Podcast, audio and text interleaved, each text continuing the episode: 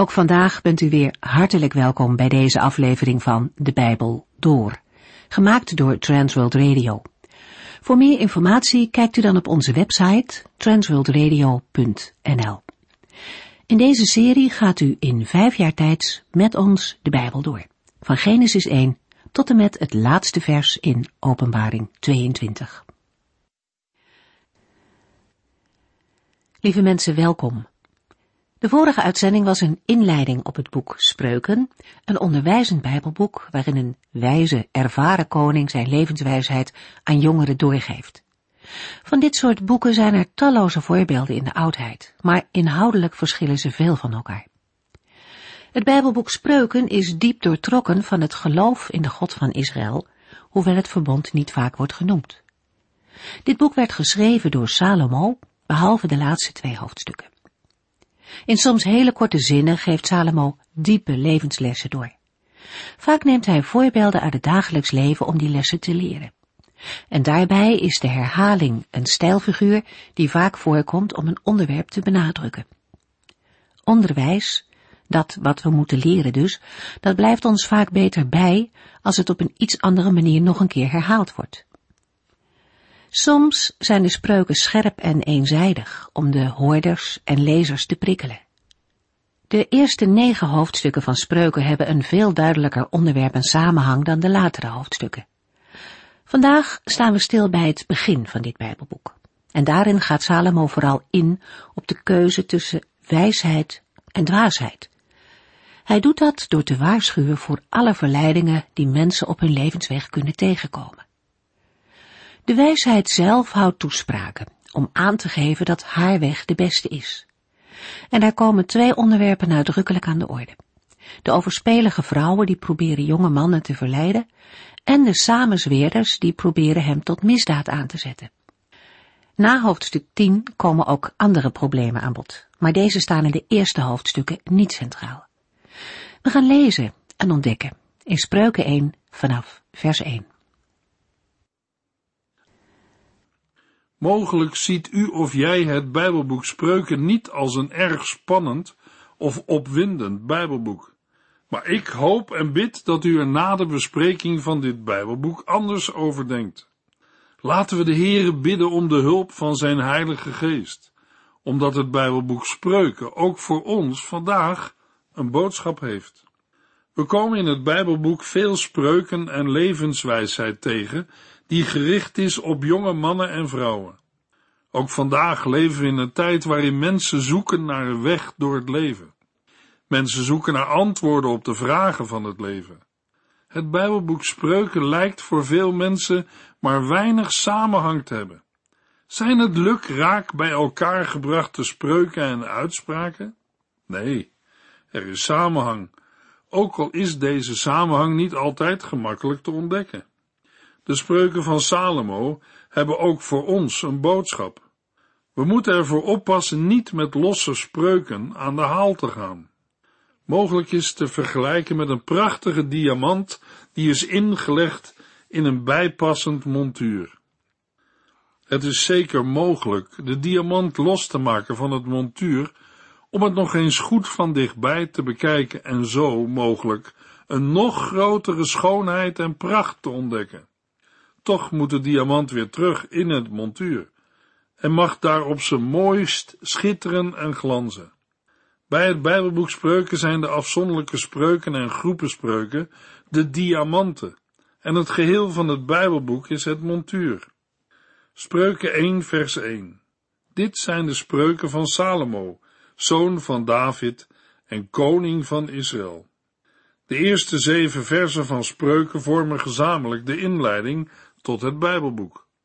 Na de aanduiding van wie de spreuken zijn, komt een aantal kernachtige omschrijvingen van het doel van het Bijbelboek naar voren. Het geheel van de inleiding wordt in vers 7 afgesloten met de verklaring dat eerbiedig ontzag voor de Heere de basis van alle kennis is. In onderscheid met andere oud-Oosterse spreuken is het Bijbelboek Spreuken aan niemand geadresseerd. Als Salomo in overeenstemming had gehandeld met toenmalige koningen, die ook collectiespreuken opstelden, zou zijn collectie spreuken zijn gericht aan zijn zoon Rehabiam. Omdat dit niet is gebeurd, moeten we aannemen dat Salomo zich in het Bijbelboek Spreuken tot het hele volk richt en niet uitsluitend tot een prins. Dat blijkt al uit vers 4, waar wordt aangegeven dat Salomo onderwijs wil geven aan jonge mensen. In vers 5 wordt gesproken over een wijze die al wijs is. Zo kan een wijze nog wijzer worden en merkt een verstandig mens dat er nog veel te leren valt. Aan het slot van de proloog blijkt dat er een groep mensen is waaraan spreuken geen boodschap heeft. Spotters, mensen aan wie wijze raad niet is besteed. Spreuken begint met de mededeling, dit zijn de spreuken van Salomo, zoon van David en koning van Israël. Het opschrift boven het Bijbelboek luidt in het Hebreeuws, spreuken van Salomo, de zoon van David, de koning van Israël. Hierop volgt in de versen 2 tot en met 4 het doel van het Bijbelboek. Salomo gebruikt daarvoor de vorm van een opsomming van zaken die door het lezen van het Bijbelboek geleerd moeten worden. De lijn die in deze opsomming is te ontdekken is de volgende. De kennismaking met de wijsheid, de praktijk van het wijs zijn in de hele levenswijze, het eerlijk en oprecht zijn. Op het aannemen van wijsheid volgt het geven. De wijze groeit verder in de wijsheid om de onervaren personen wegwijs in het leven te maken. Het is een opsomming van doelen, wensen en daarna weer doelen. Ten eerste stelt Salomo dat men in algemene zin wijsheid, orde en regel of discipline zal leren. Het verwerven van wijsheid moet blijkbaar gepaard gaan met tucht, waarmee is aangegeven dat de mens moet leren zich te onderwerpen aan een autoriteit, voordat wijsheid wordt verkregen. In het kader van spreuken kunnen we denken aan het ontzag hebben voor de Here en aan het eerbiedigen van het onderricht van de ouders. Een tweede doel van het Bijbelboek is de zin van dingen begrijpen. Ten derde hoopt Salomo dat de lezers een aantal zaken zullen ontvangen. Instructie met het oog op wijs en omzichtig gedrag, recht, gerechtigheid en rechtschapenheid. Kortom, onderwijs voor wijs gedrag. Het vierde doel handelt over zaken die een leerling uiteindelijk aan anderen moet doorgeven. Aan de onervarene schenkt hij schranderheid en aan de jongeren kennis en bezonnenheid.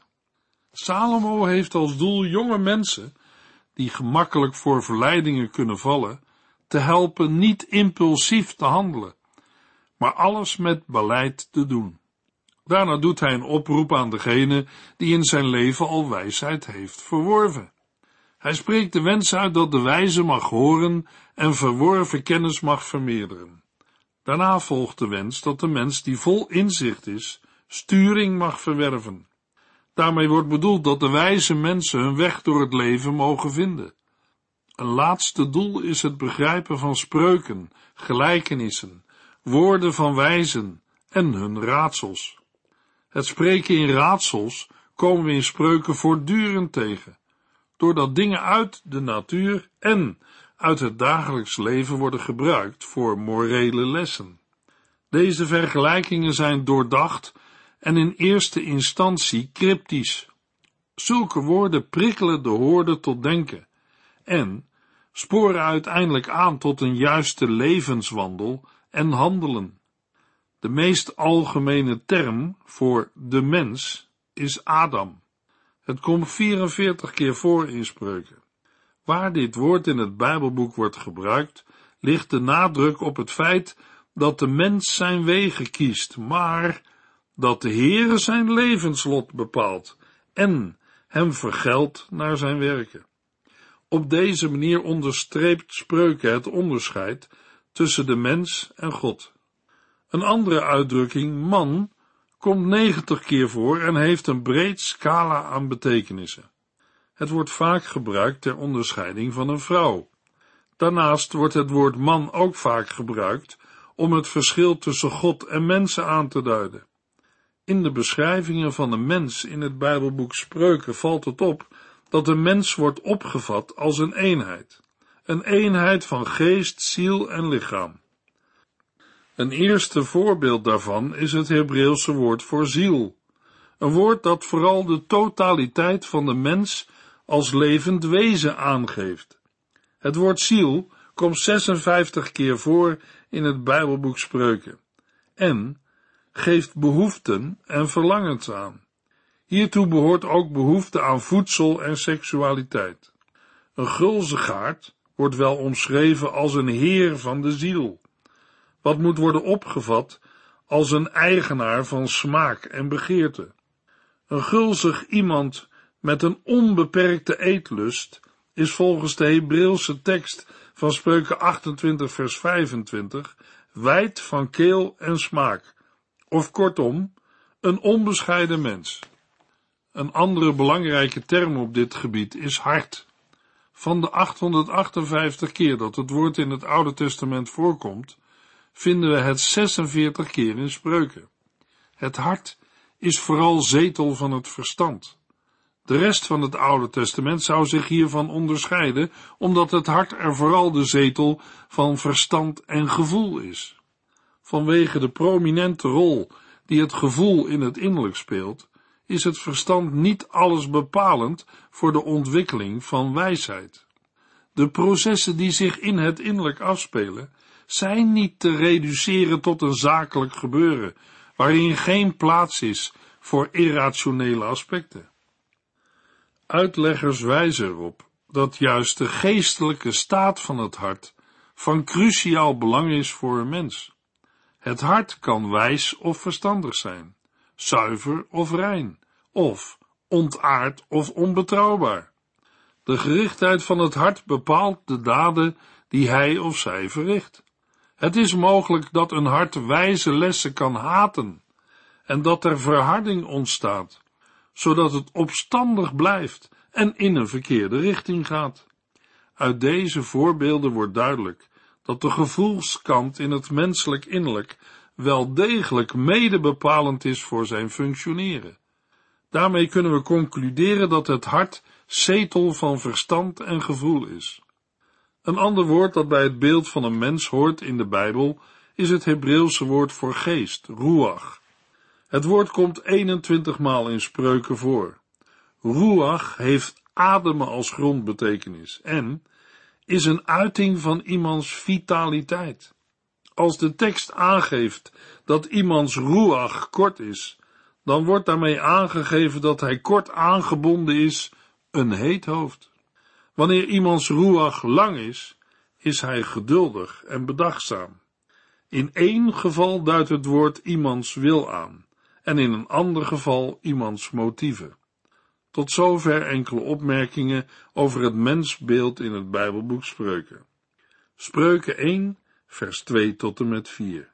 Hij, Salomo, schreef deze spreuken om de mensen te leren hoe ze moesten leven, hoe ze moesten handelen in allerlei omstandigheden.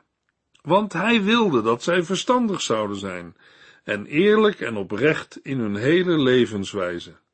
Ik wil de eenvoudige wijsheid geven, zei hij.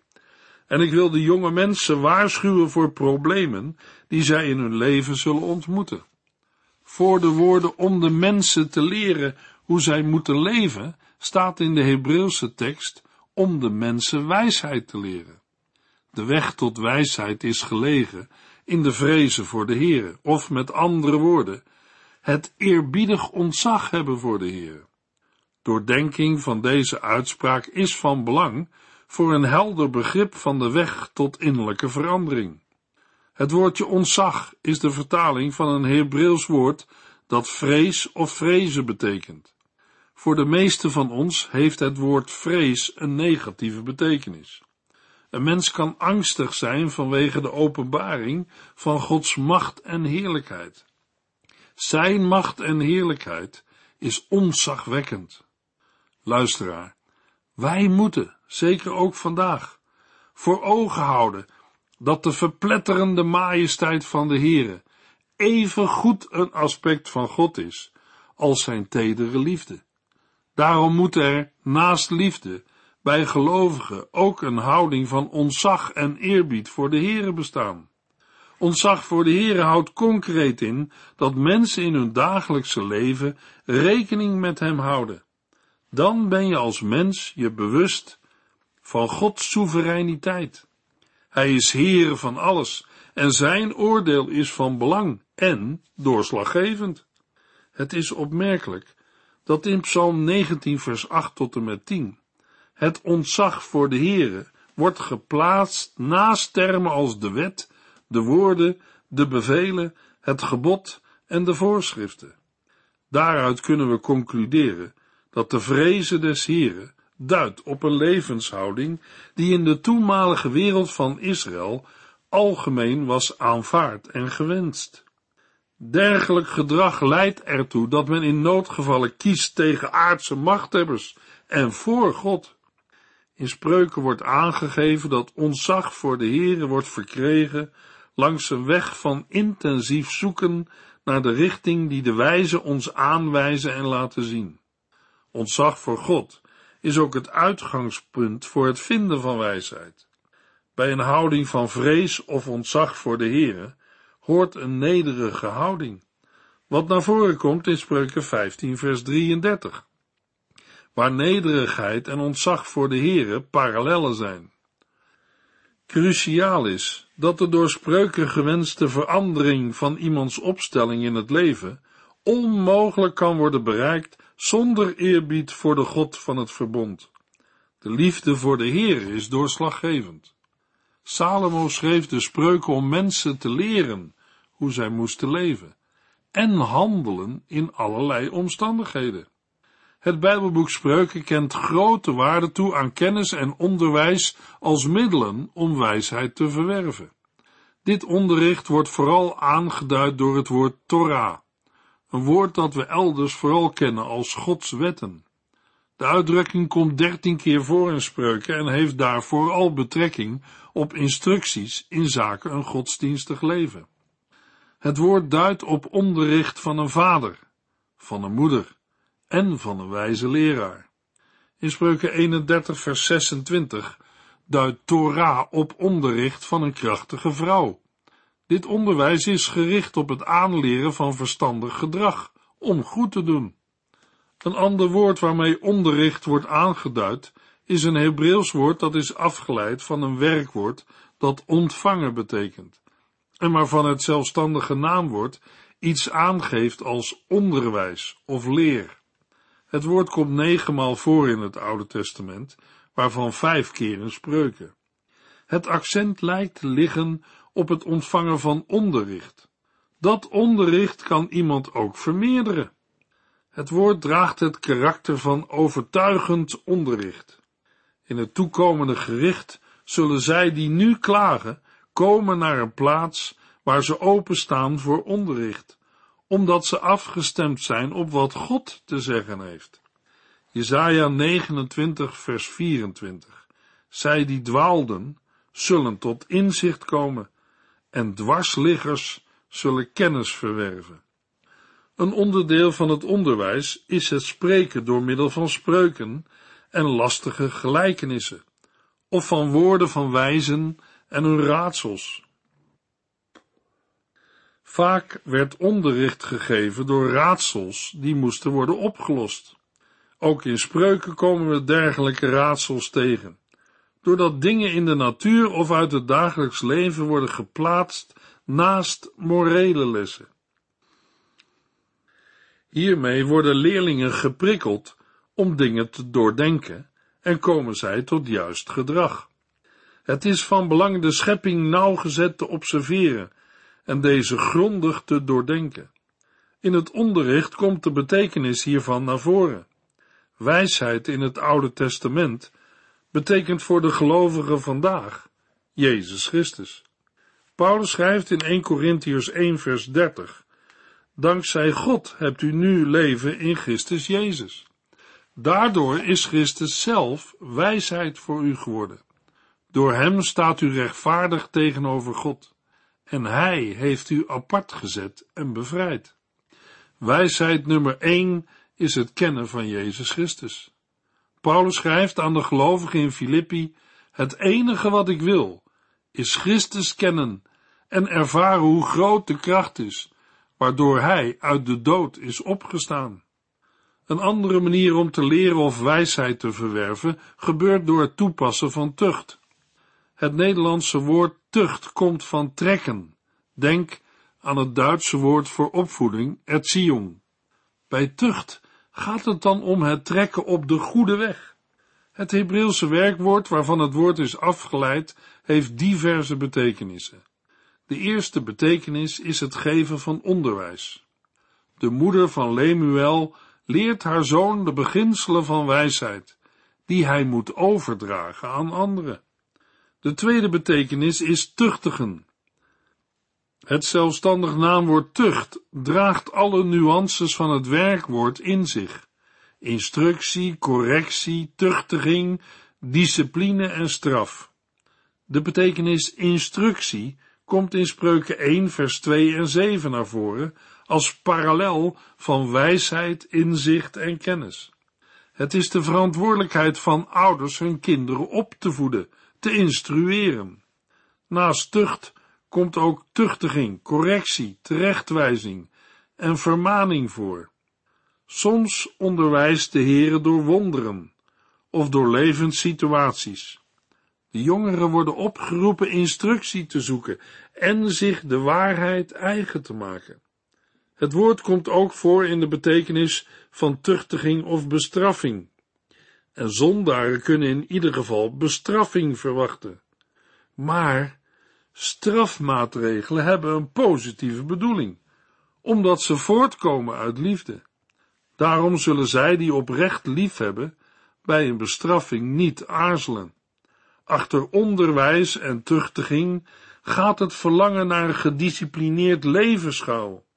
Een mens die onderwijs, correctie en eventueel tuchtiging toelaat, toont de bereidheid zich te laten corrigeren.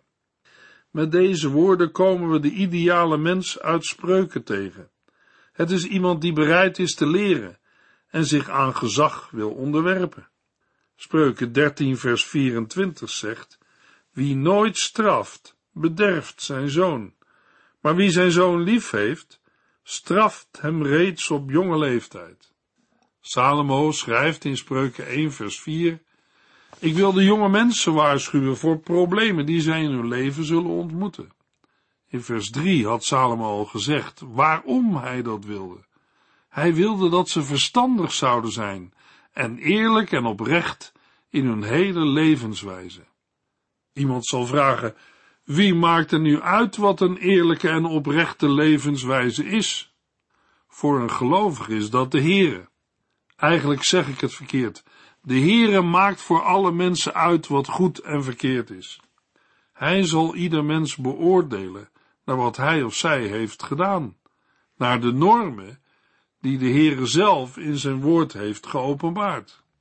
Eerlijk en oprecht zijn is niet wat de meeste mensen eerlijk en oprecht vinden. Als de Heere zegt dat iets goed is, dan is het goed. Maar als de Heere zegt dat iets verkeerd is, dan is het verkeerd. Als de schepper van hemel en aarde is hij de enige die dat absoluut eerlijk en oprecht kan bepalen. Ook gelovigen komen op kruispunten in het leven waarop besluiten moeten worden genomen. Als de Heere dan niet de weg wijst, dan lopen ook wij de kans te verdwalen. Maar de Heere wil vandaag u, jou en mij de weg wijzen, door zijn woord en heilige geest. Luisteraar, zijn wij bereid om naar de Heere te luisteren? Spreuken 1 vers 5 Zo kan een wijze nog wijzer worden, en merkt een verstandig mens dat er nog veel te leren valt. Een wijze is iemand die in het dagelijks leven door zijn handelen laat zien dat hij over wijsheid beschikt. Kenmerkend voor een wijs mens is dat hij niet wijs is in eigen ogen, maar bereid is te leren. Een wijze zoekt en bewaart de kennis. Hij luistert naar instructie en raad, aanvaardt geboden en is blij met correctie. Wanneer iemand kennis heeft gevonden, deelt hij die met anderen en zijn onderricht wordt een fontein van leven voor de gemeenschap. Doordat wijzen zicht krijgen op de morele orde, worden ze in staat gesteld beheersing te hebben over hun emoties. En zo zullen ze dwazen aan zich kunnen onderwerpen. Een kenmerk van een wijs mens is ook dat hij voorzichtig wordt. De hiervoor gebruikte uitdrukking kan worden weergegeven met wijs gedrag. Het werkwoord waarvan het woord is afgeleid, geeft het vermogen aan om de gevolgen van een boodschap of situatie te begrijpen. Tevens wijst de uitdrukking op het vermogen om praktische zaken en kwesties te doorzien en ongunstige besluiten te nemen. Het is ook het vermogen tot het bedenken en beramen van handige en behoedzame tactieken om een doel te bereiken. Deze doelen zijn in spreuken godsdienstig en moreel verantwoord. Een andere eigenschap van een wijze wordt weergegeven met woorden als voorzichtigheid en bezonnenheid, waarmee wordt aangegeven dat iemand in staat is zijn gedachten voor zich te houden. Daarin zet hij zijn strategie uit.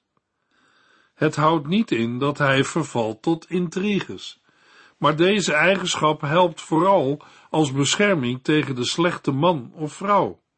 Wanneer een boosdoener een wijze wil verleiden, bezint de wijze zich op wat op hem afkomt en zet hij in gedachten zijn eigen lijn uit.